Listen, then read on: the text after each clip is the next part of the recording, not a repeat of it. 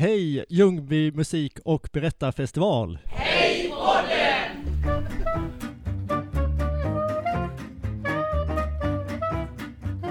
Hej och välkomna till din podd på jorden. Och idag gästar vi Ljungby musik och berättarfestival. Eh, vi kommer prata om André. Och vi har en spelar in inför publik idag för första gången och här i lokalen sitter ett 30-tal personer. Eh, vi, eh, själva avsnittet kommer sändas eller publiceras i slutet av sommaren, så ni som lyssnar via podd, då, då händer det här den 18 juni 2022. Nu lämnar jag över ljudet till Jonas Åkerlund.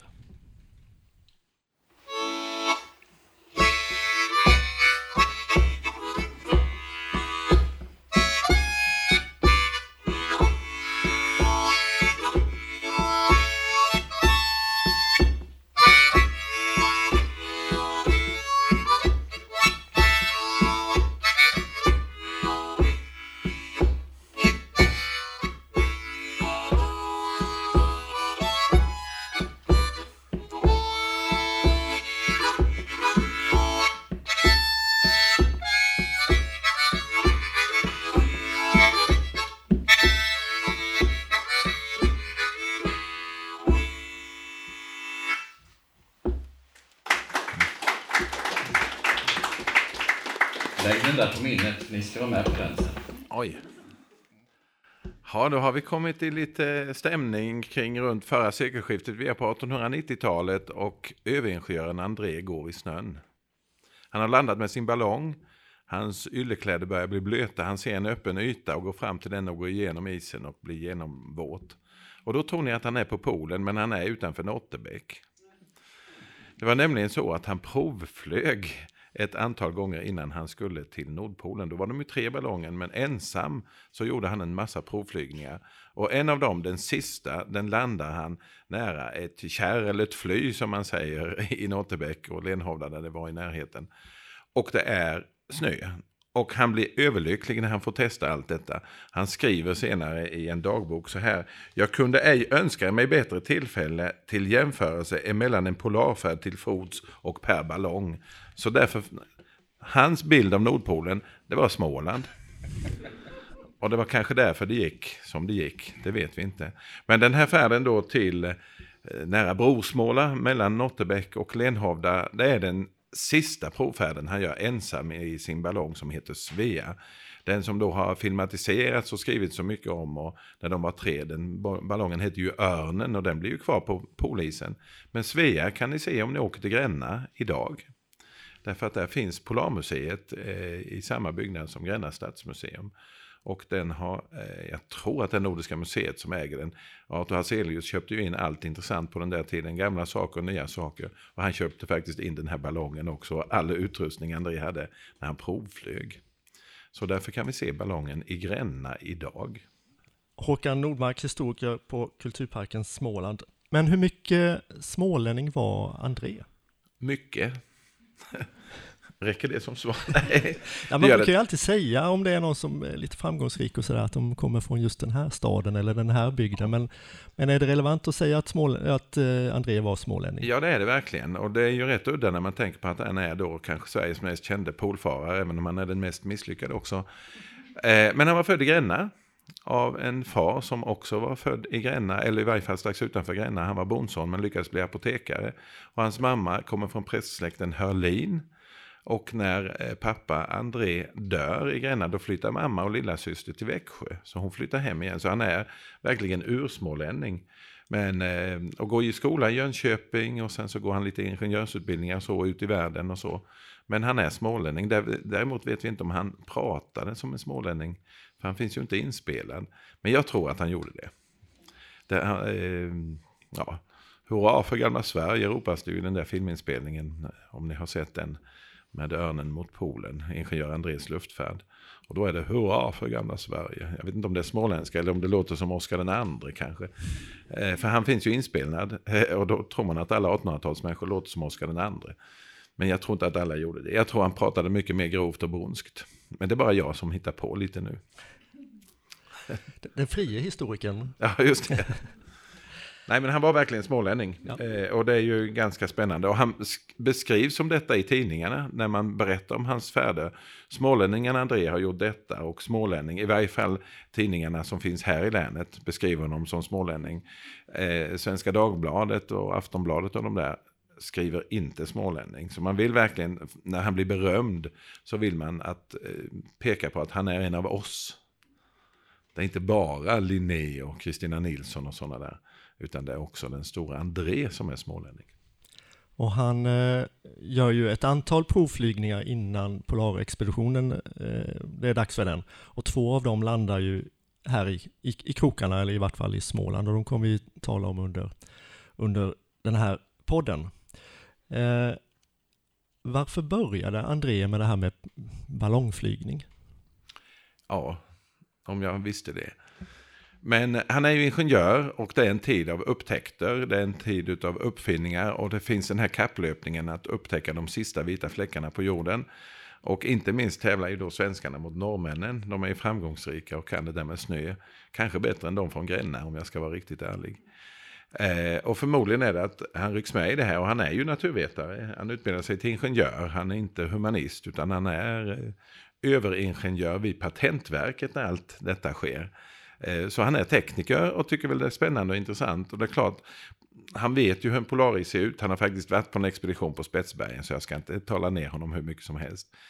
Och fatta att det är inte så slätt som man tror. Det är inte som isen när, när Vättern fryser de få åren. Då är det ju rätt så bra is där ute. Men i Polen är det knaggligt och dant. Det är som en stenöken fast eh, is och snö. Och det är svårt att ta sig fram. Och då får han väl idén, ja men då åker vi över det bara. Istället för att prova med häst och vagn eller släde, det kommer inte gå. Utan vi åker över det. Och, eh, han ser ballonguppstigningen när han är i USA på en eh, resa. Han besöker ett par av världsutställningarna som är så populära på den där tiden. Och då ser han ballonguppstigning sån här när det är, när det är en fast lina. Alltså man skickar upp dem och sen vevar man ner dem igen. De vågar inte släppa loss dem. Så det var ju en attraktion att man kunde få åka upp i den och sen ner. Eh, och då får han förmodligen idén. Sen är det ju då ett problem till och då ska han som ingenjör lösa. Hur styr man en ballong som förs framåt av vinden? Alltså man styr ju inte över vinden. Inte ens ingenjörer kan göra det faktiskt, säger jag som humanist. Och det, det går inte att styra vinden. Men han eh, uppfinner lite olika segel och bromslinor. Och, och man skojar om det i tidningarna och säger han håller bara ut sin hatt till höger och då svänger ballongen åt höger för det blir motstånd där. Så, så, eh, så fort han börjar sina experiment så börjar man skriva om honom också. Och ibland ganska raljant faktiskt. Och det, när man läser en del av de här sakerna idag så, oj då tänkte jag, eh, skriver de verkligen så? Det är ju hemskt, han dog ju, men det visste ju inte de, kom jag på. Då. Det är ju, jag som ändå är historiker, de visste ju inte att han skulle dö. Utan de visste ju bara att det var en gubbe som åkte upp i en ballong. Ibland hade han lina med sig, ibland släppte han lös sig. Eh, och det är klart, då blir han omskriven. Och det här anses som någonting, nu kan vi slå norrmännen och vi kan sätta den svenska flaggan på Nordpolen. Det var ju det som var. Så han är ju stöd av kungahuset till exempel, av Kungliga Vetenskapsakademin. Eh, även om eh, de flesta vetenskapsmän säger att det här är nog ingen jättebra idé. Eh, men ja. Tror du, tror du att det här med just Polarexpeditionen dök upp efterhand eller var det något som André siktade på från början? Det finns ingenting som tyder på att han siktade på det från början. Utan han tyckte bara var roligt upp i luften och mäta lufttryck och, och syrehalt och vindar och sånt där. Eh, för han ger inte det till känna i varje fall till början.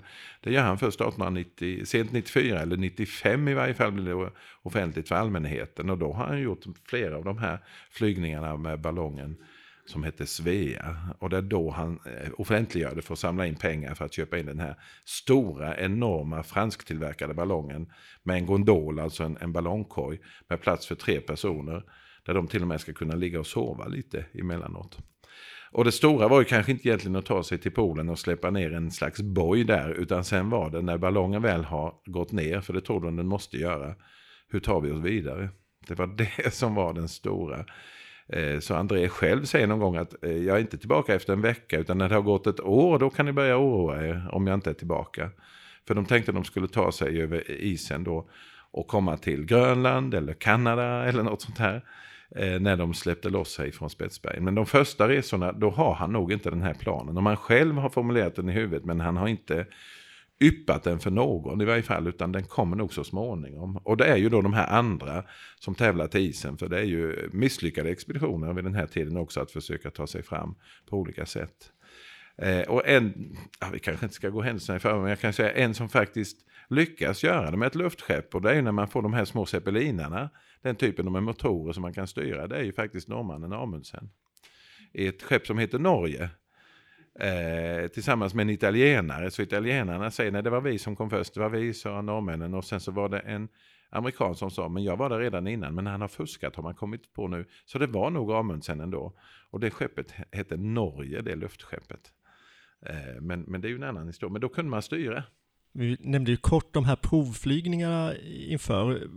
Hur många provflygningar ungefär görs det och ska vi börja med något av dem som landar då i Småland? Ja, eh, han gör nio provflygningar eh, med lös ballong. Sen gör han massor med uppstigningar när de har drept. Han bara... Som en eh, Smålandspostens chefredaktör skriver, ja de kunde ju veva ner göken efter ett tag när han hade vädrat sig. så, han, han är inte så imponerad av André, eh, Smålandspostens store chefredaktör, signaturen Sigurd, Alfred Hedenstierna, som för övrigt var född i Agunnaryd. Någon ska ju vara det.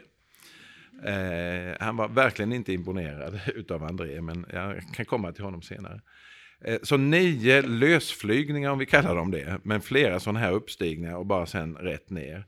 Eh, och den sista av dem var ju den jag nämnde då som hamnar mellan eh, Lenhovda och Nottebäck. Och den, den är spännande på många sätt för det blir den sista.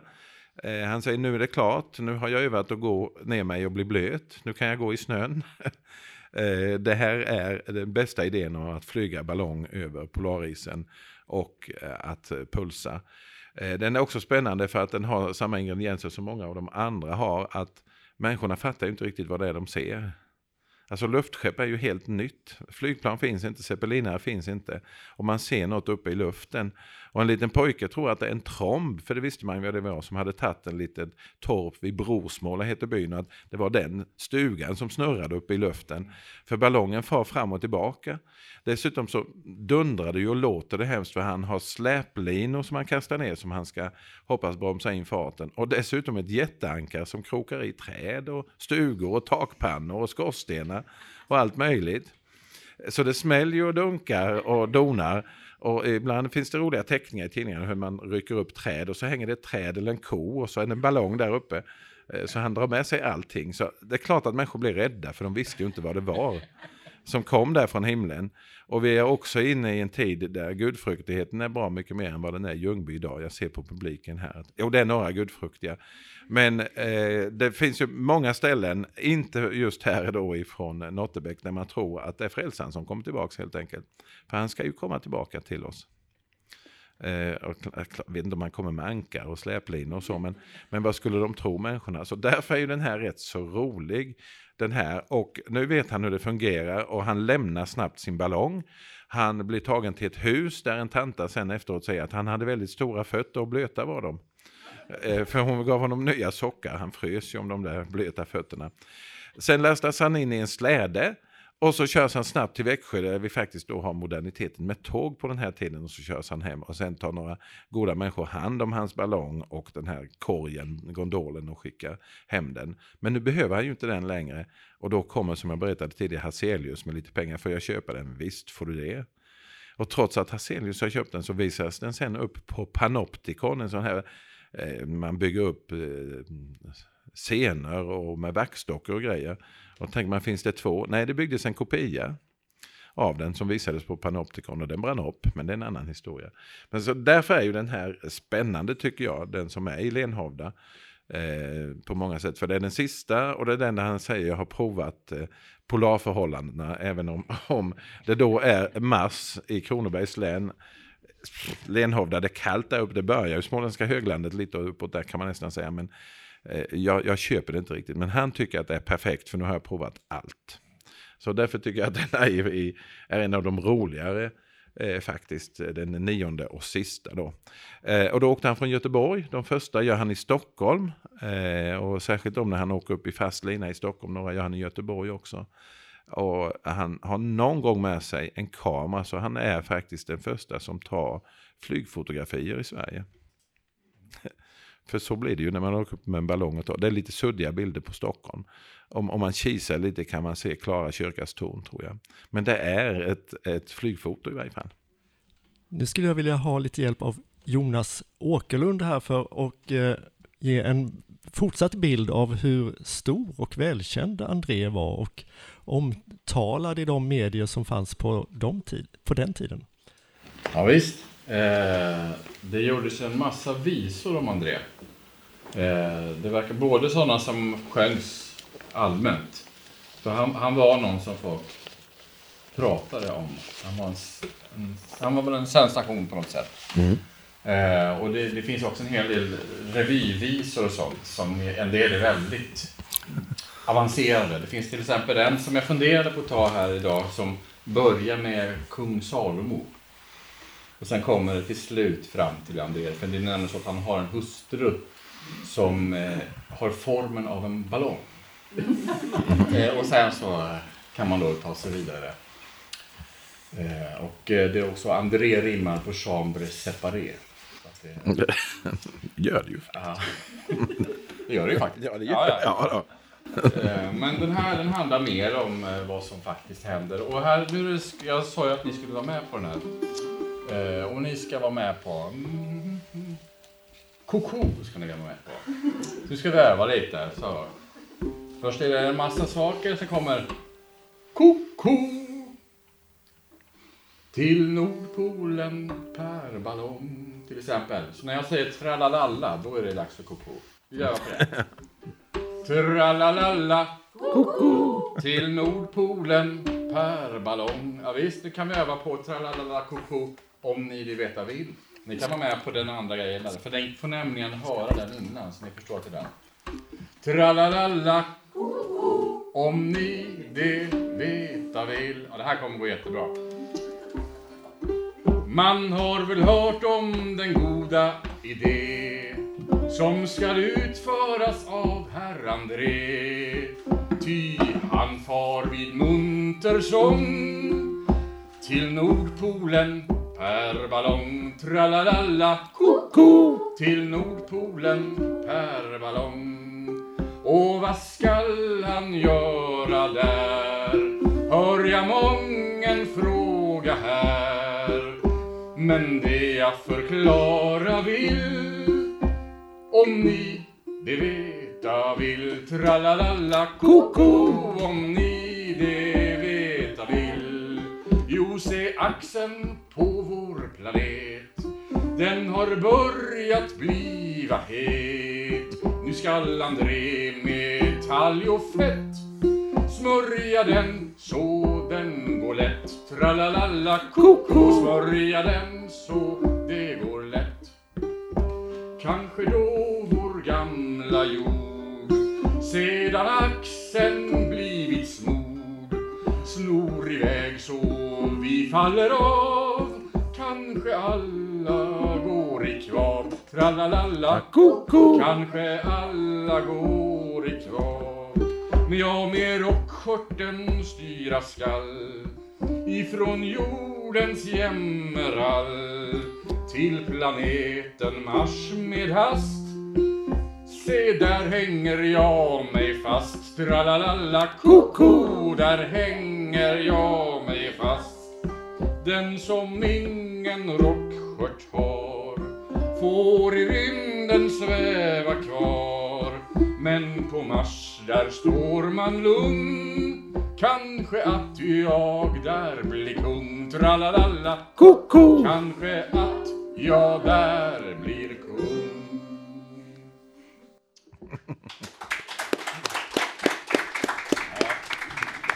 Ja, här, den här måste ju vara diktad då innan han väl har kommit iväg. Men ja. folk var ju redan oroliga för hur det skulle ja. gå, kan man förstå. Och det här är ju en tid när, när även eh, genren science fiction föds. Jules Verne har vi alltså den här när man skjuter upp en jättekula till eh, månen.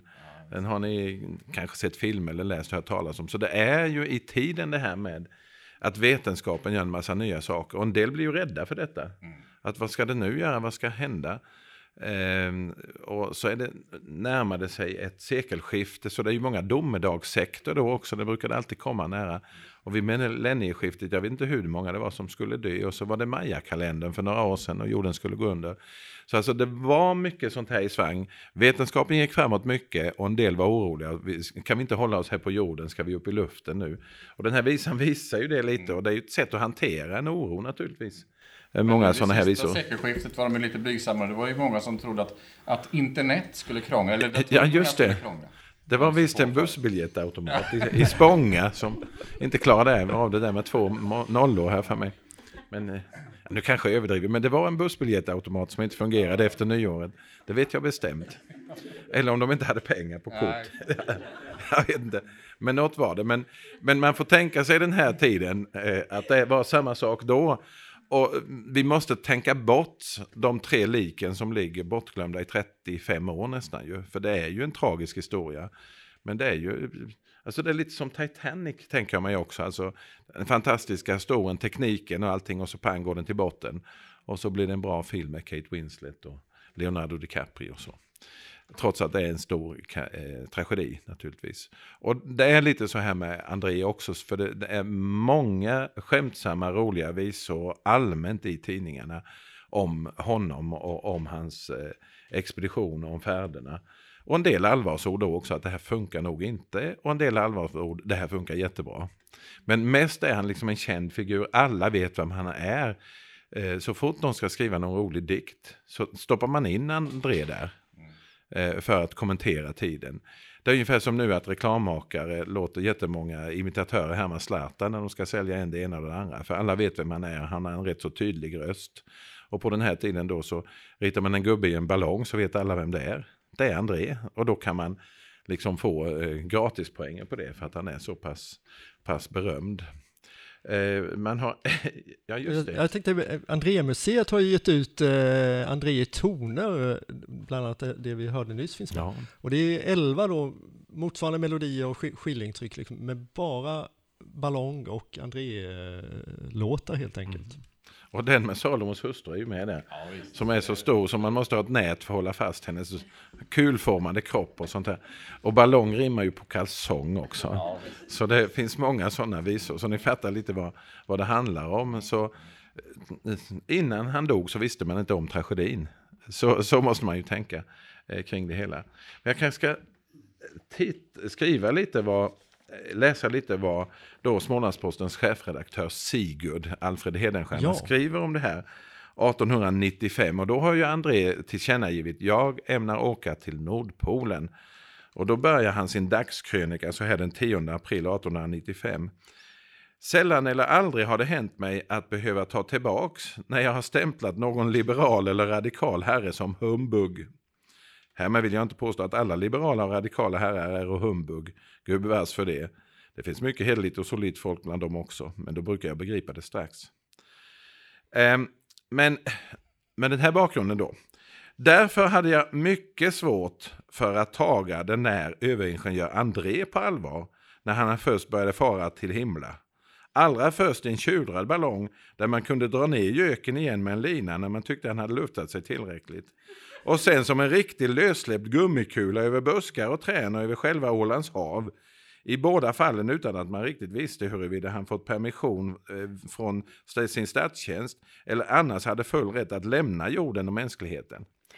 Alltså hade han frågat Patentverket när han lämnade jorden egentligen, var det, var det riktigt?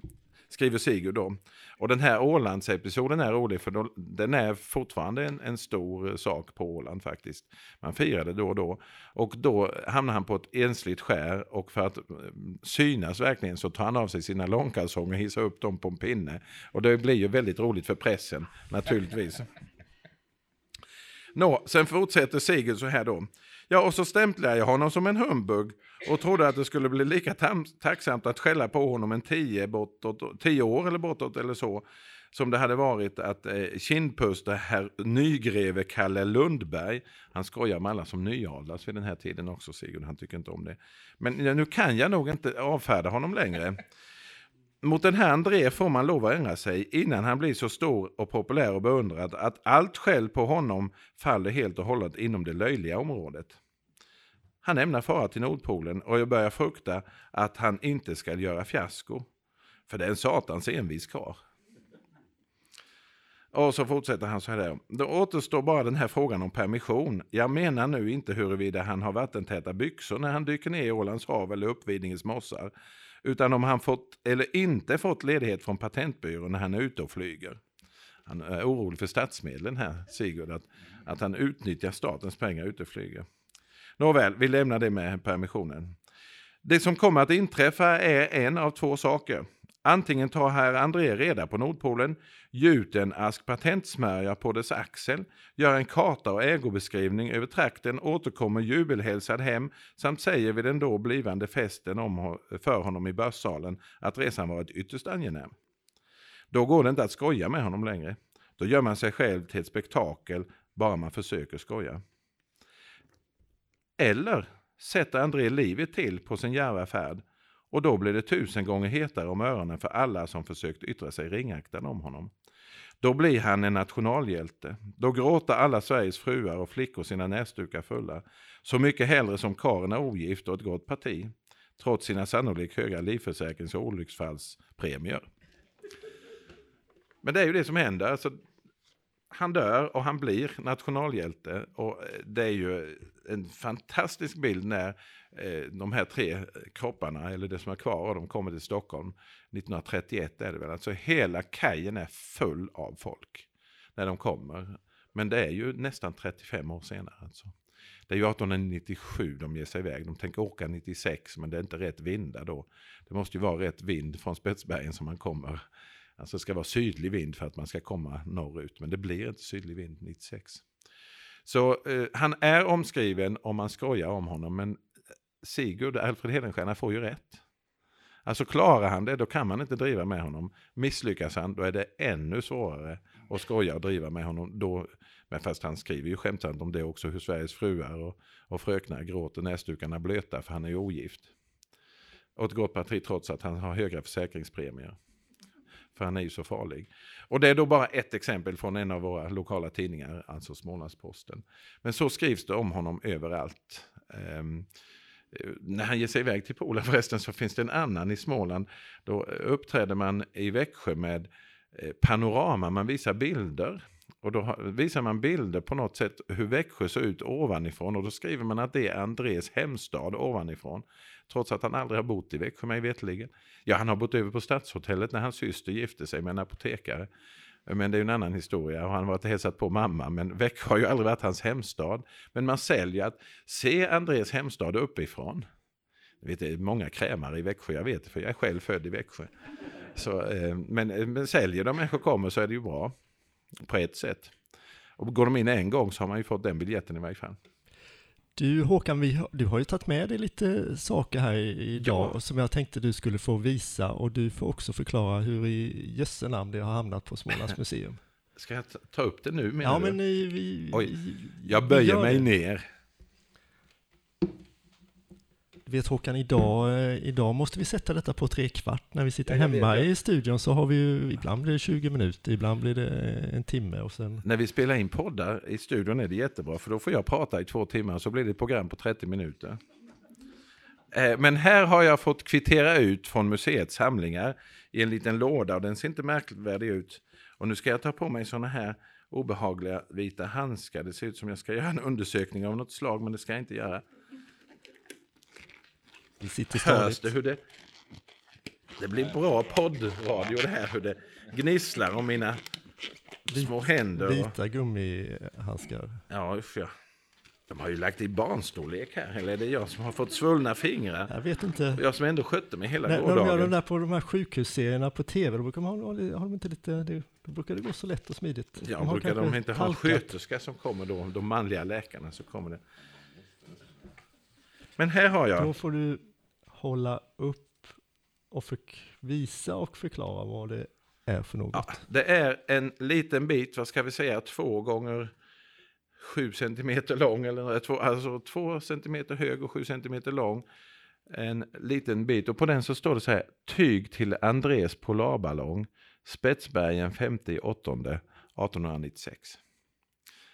Och den ballongen gick ju under på isen. Det är ingen som har sett den. Den ni ser Gränna, det är ju hans provballong. Men detta är alltså ifrån ballongen Örnen. Och i hela fridens namn hamnade det mitt inne i Småland. Eh, kan man ju fråga sig. Och det är märkt här bak också med föreningen Smålands fornminnen på baksidan och har nummer si och så. Men en liten, liten bit. Och så vitt jag vet så är det här det enda ballongsidan som är bevarat från den ballongen som åkte till Nordpolen. Eh, och det har vi i våra samlingar på Smålands museum. Och så får man ha plasthandskar på sig när man håller i den. Och eh, jag gick till vår katalog för att kolla, för jag tänkte, är det så här som under katolsk tid med Kristi kors? Man sålde ju stickor till det där korset så det hade ju varit 100 meter högt och, och 40 meter brett och vägt, jag vet inte hur många kilo. Jag vet inte hur många Veronica Svetteduk det finns. Ja, det finns det ju bara en. Men sådär, jag tänkte, är det, är det här någon relik? Är det någon humbug? Som Sigurd hade sagt. Det är inte humbug. Den kom till museet redan år 1900. Alltså tre år efter ballongen for iväg och fyra år efter den skulle ha tagits från ballongsidenet. Och hur, hur kan ni göra det då? Jo, en som var tredje styrman på båten, Virgo, han hette Arbin. Han förde ballongen, vätgasapparaten och en massa annan utrustning, alltså tillsammans med de andra besättningen på skeppet Virgo, till Spetsbergen 1896. Och han är med där och hjälper expeditionen på alla sätt och vis. Och när sydvindarna inte kommer 96 om han åker hem, då lämnar Virgo hamnen på Spetsbergen och då tar han med sig detta som souvenir. Och jag brukar ibland säga att det är därför ballongfärden misslyckas, för han har ju skurit ut en bit så det läcker ju hela tiden. Men han tog det ju där nere, inte uppe mitt på ballongen. Det är inte så att den här då Arbin har gjort det. Och han skänker det till Växjö museum, som han kallar det, eh, år 1900 via en Anders Arbin. Och det är förmodligen hans storebror som jobbar på tändsticksfabriken eller hans gamla pappa som också bor i Växjö och har jobbat på tändsticksfabriken. Men någon av dem skänker det till museet eh, åt den här eh, Arbin som är med på skeppet Virgo till Spetsbergen. Vi har också blommor från Spetsbergen som han har plockat och torkat. Så att man visste att det här är spektakulärt, det här kommer bli någonting. Han tog souvenir. Och det är ungefär som eh, när Berlinmuren revs, alla som hackade loss bitar. Och så kan man ju köpa sådana, hur pass äkta de är det vet jag inte. Men den här är ju så pass nära i tid så jag tror att det är ballongsiden. Och den är alldeles stel nu för sidenet hade ju på sig, det var ju gummerat. Och gummit blir dåligt. Så eh, den ballongen man har i eh, Gränna, den är ju alldeles, den går inte att blåsa upp längre, man får knäcka upp den. För det har blivit hårt. Ni har alla någon gammal fotboll eller någon gummileksak hemma, ni vet de blir ju helt sköra. Eh, så därför har detta ballongsidan blivit så. Men annars var ju ballongsidan väldigt populärt om man, eh, ni vet under andra världskriget, om man fick från fallskärmar så skulle man ju göra underkläder av det. Eller sådana här spärrballonger, de var ju gummerade. Då försökte man göra underkläder av det också, men de blev ju vattentäta. Så det, de var inte så bra som underkläder, men det läckte inte så mycket. Men, men siden var ju eftertraktat och, och ehm, eh, det kanske var därför han, han, tog den. Inte att siden var eftertraktad, utan han visste ju då den här Harbin att det här kommer bli omskrivet. Och sen så har den då legat i museets samlingar tills nu när jag fick med den. Den har varit utlånad en gång till eh, gymnasiet i Växjö när de hade en utställning 1925 innan André hittades. Så hade de en liten utställning, några gymnasister som gjorde det och då var den utlånad för det kunde jag också se i vår katalog. Så jag tror att vi ska kontakta museet i Gränna och höra om de inte vill låna den här någon gång. De kan också ha, jag tror att de har sidan därför att när ballongen gick ner på poolen så tog de ju delar av gondolen och sina släder de hade med. Men då tog de med sig sidan för att göra kläder och grejer av. Så det kan ha hittats när de hittade kvarlevorna av dem. Så jag ska inte säga att det är den enda bevarade. Men vi får den redan år 1900 när ingen vet vad som har hänt med André och de andra två som var på ballongen. Så eh, det är lite roligt att ha med den. Och efteråt när vi är färdiga så får ni gärna komma fram och titta på den. Men ni får inte fingra på den om ni inte har gummihandskar på er.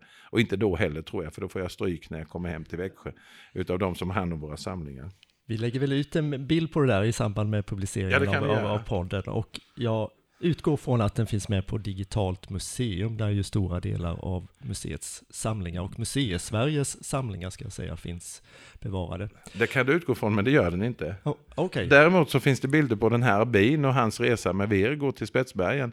För det har Gränna museum lagt ut. Så vill ni se hur han som klippte ut den här biten, hur ballongen ser ut, så går det bara att gå in på Digitalt museum och slå Virgo och Spetsbergen så får ni upp en Arbin där, bror Ture Arbin, som sen blev lärare på navigationsskolan i Göteborg, men det är ju en helt annan historia som inte har med det här att göra. Du Håkan, jag tänkte eh, eh vi ska snart börja eh, summera ihop eller runda av. Eh, det finns ju en eh, resa till Gotland som jag vet, eller en provflygning till Gotland som jag vet att du har speciellt förhållande till. Och du har ju också kontakter på Gotland, eller säga, men släkt på Gotland, eller kommer från, delvis från eh, Gotland. Var det så du kom i kontakt med de första André-berättelserna? Ja, det är det faktiskt. Det är inte, om det är något som låter så är det jag som försöker ta mig mina händer. Jag får sitta med dem och svettas här som Musse Pigg eller några sådana.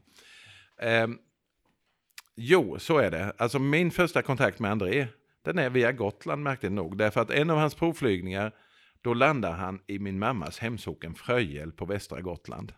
Då har han lämnat Göteborg eh, fyra timmar innan och är på Gotland. Alltså han har flugit något så snabbt, så snabbt som han aldrig har gjort tidigare. Och det är en helt fantastisk historia. Och att jag kom in i den historien har inte så mycket med André att göra, utan dåtidens byoriginal, jag ska inte säga byfåne, han är inblandad i historien, nämligen Bockes-Pelle. Är det någon som har hört talas om Bockespelle? Det går det. Du har hört talas om Bockes-Pelle? Ja, men då känner du till detta. Ja, den här historien har jag alltså hört sedan barn och han landar då vid Kusare som gården heter.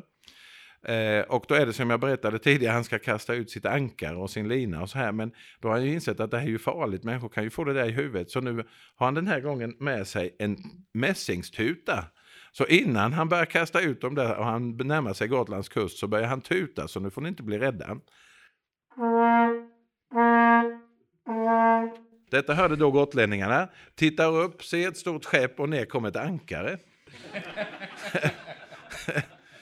och detta ankare då fastnar i gästgårdar och buskar och allt möjligt och till slut vid gården Kusare så fastnar den tillräckligt mycket så att ballongen dras ner. Och då eh, kommer ju André fira ner sig så småningom, för ballongen sitter ju kvar mot ett träd. Och ropar då, är det någon som vill ha smörgåsar, de är beredda i Göteborg i morse. och då kommer Bockespelle från gården Bockes bredvid och får smörgåsarna äta upp detta. Men innan har det hänt att bonden på Kusare står och hugger ved. Och i svajpen, alltså en sån här stalldörr, ni vet en tvådelad dörr, det heter en svajp på gotländska. Där står Kellingi, alltså tanten, nu börjar jag tala gotländska. Så tanten står på gården Kusare och tittar upp och hör hur det tutar och hör basunen att nu är det sjunde inseglet här. Så då säger hon, kom in kall och stäng Diori för nu kommer frälsaren. Så detta är en helt sann historia. För min morbror har sagt till mig att alla historier om Bockespelle är sanna. Eh, så om ni någon gång kommer till Gotland och till Fröjesocken, eh, hör om ni har någon historia om Bockes-Pelle. Och den bästa, min favorithistoria om Bockes-Pelle är när de tycker att nu har det gått för långt, vi kan inte ha kvar honom i socknen. Eh, så vi måste ha in honom till Visby till Sankt Olof som är hospitalet. Så två eh, välbetrodda bönder tar med honom till Visby och på kvällen kommer Bockes-Pelle tillbaka. Och då frågar man, vad är de här två? Ja, det har jag ingen aning om, säger han. Tre veckor senare kommer bönderna till Fröjel alldeles tilltufsade och bleka och Vad har hänt för någonting? Ja, det var Bockenspel. Han gick in till läkaren och sa att här kommer jag med två galna bönder från Fröjel. Ni ska ta in dem. De tror att de är här med mig, men det är jag som ska lämna dem. det har ingenting med Adré att göra, men det har med Bockespelle. Men min väg in till Adré är alltså via Bockespelle från Fröjel, en socken på Gotlands västkust. Tack så mycket Håkan Nordmark. Det där var väl en avslutning värd en musik och berättarfestival och då saknar vi ju faktiskt bara musiken. Ska jag kontra med, med hovet? Stort tack för att vi fick gästa er här i Ljungby och för att ni ville komma och eh, lyssna på oss. Ni som lyssnar på podden, då är ni några månader fram i tiden. Jonas, varsågod.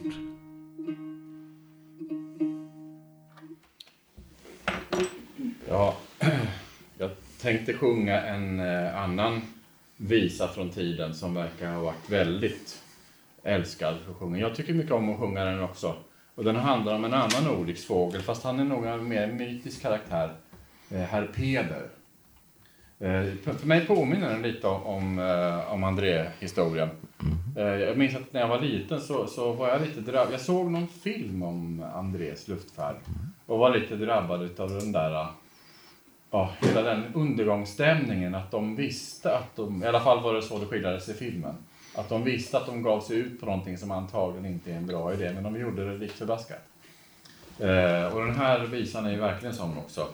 Eh, och jag, när jag har hållit på och sjungit den så jag, liksom, jag är fortfarande inte bestämt mig om det är en lustig visa eller om det är en tragisk visa eller vad det är för någonting. Men det, ja, man kan sjunga den. Den innehåller liksom alla element där. Helt enkelt någon som får veta att eh, det är ju herr Peder då som han går till sin fostermor och frågar hur han ska dö. Då får han veta att du kommer, kommer dö, dö på havet och då går han och låter han genast bygga en stor båt. Och sen är han igång. Så han, han, han ger sig iväg på sitt, ja, på sin färd här.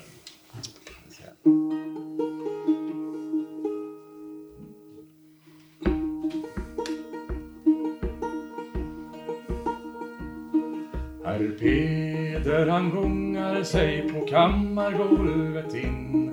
Han kammar, han krusar sitt hår. Sen gungar han sig till sin fostermoder in. Frågar henne vad död han skulle få.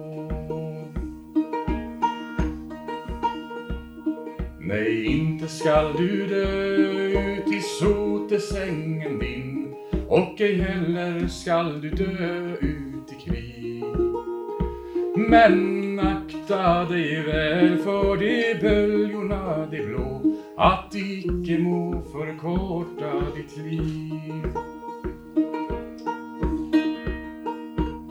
Herr Peder han gångar sig till sjöstranden ner emellan de skeppare män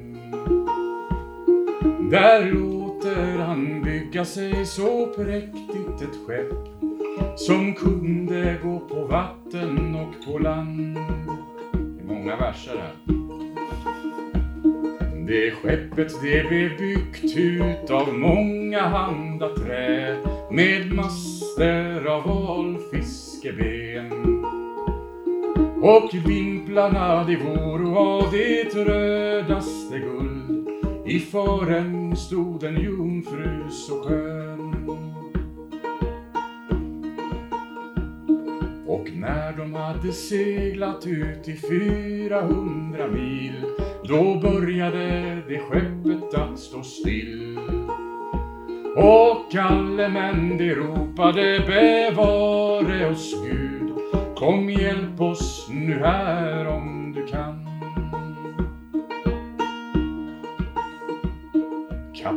Kaptenen han var en så förståndiger man och han talte så förståndiga ord. Kom låt oss kasta tärning ibland oss här ombord för att se vem den största synden gjort. Det här påminner lite om Röde Orm tycker jag. Den första guldtärningen på tavelbordet rann emellan de skepparmän. Och lotten den följa på herr Peder den föll första gången på konungens son. Den andra guldtärningen på tavelbordet rann emellan de skepparmän. Och lotten den följa på herr Peder den föll andra gången på konungens son. Den tredje guldtärningen på tavelbordet rann emellan de skepparmän. Och lotten den följa på herr Peder den följ tredje gången på konungens son. Det nu är jag som den största synden gjort Mina brott jag nu bekänner här för er. Tre kyrkor har jag rövat, tre kloster har jag bränt. Två flickor har jag närat och skämt. Om någon utav er skulle komma i land och min fostermor hon frågar efter mig. Så säg att jag tjänar i främmande land. Hälsa henne att jag står mig rätt så väl. Om någon utav er skulle komma i land och min fosterfar han frågar efter mig så säg att jag svävar i helvetets kval Säg honom att han bättrar sig väl. Om någon utav er skulle komma i land och min fästemö hon frågar efter mig så säg att jag vilar bland böljorna det blå. Säg henne att hon gifta sig må. Och nu kommer det lyckliga slutet. Sen tog det herr Peder i hans fagergula hår och hivade honom ut i sjön. Och när han hade sjunkit då kunde skeppet gå framåt över böljorna det blå.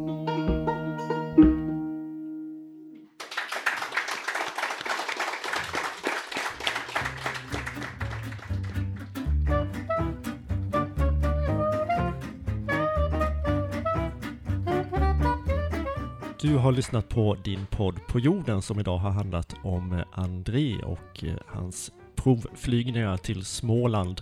Inspelningen gjordes på Ljungby museum under Ljungby musik och berättarfestival 18 juni 2022 och inför publik. Jag heter Petter Eriksson och medverkat har historikern Håkan Nordmark gjort och Jonas Åkerlund har stått för musiken och Katja Kiviniemi har stått för teknik.